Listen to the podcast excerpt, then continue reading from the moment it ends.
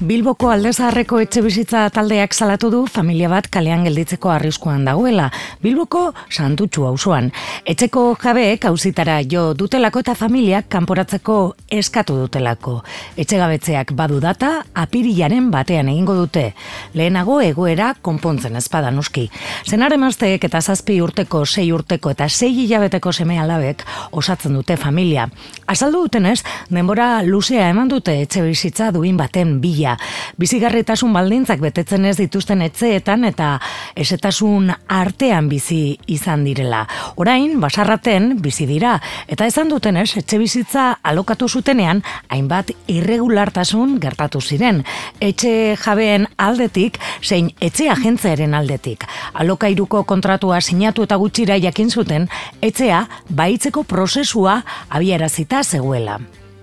Alde zaharreko etxe bizitza taldeko kideek salatu dutenez horren aurrean erakundeek emandako irtenbide bakarra izan da ostatu bateko gela bat eskaintzea familiari. Guk ez dugu lo egiteko leku bat behar, guk bizitzeko leku bat behar dugu. Horrela esan du Leonorrek kaleratua izateko arriskua dagoen emakumeak. Aldezaharreko etxe bizitza taldeko bikidek jabeen igi esinen agentziaren eta lakaizanen enantzunkizuna salatu dute.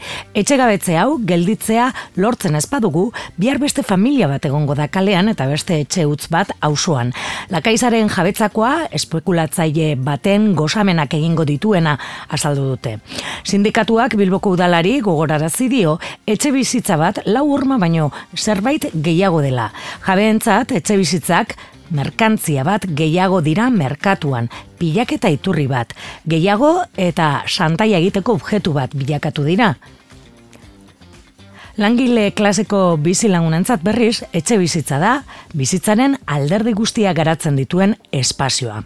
Etxe gabetzeko agindua betearazteko amabostegun falta dinenean, bere ala gelditzeko eta Leonor eta familiarentzako benetako etxe bizitza bat bilatzeko dei egin dute.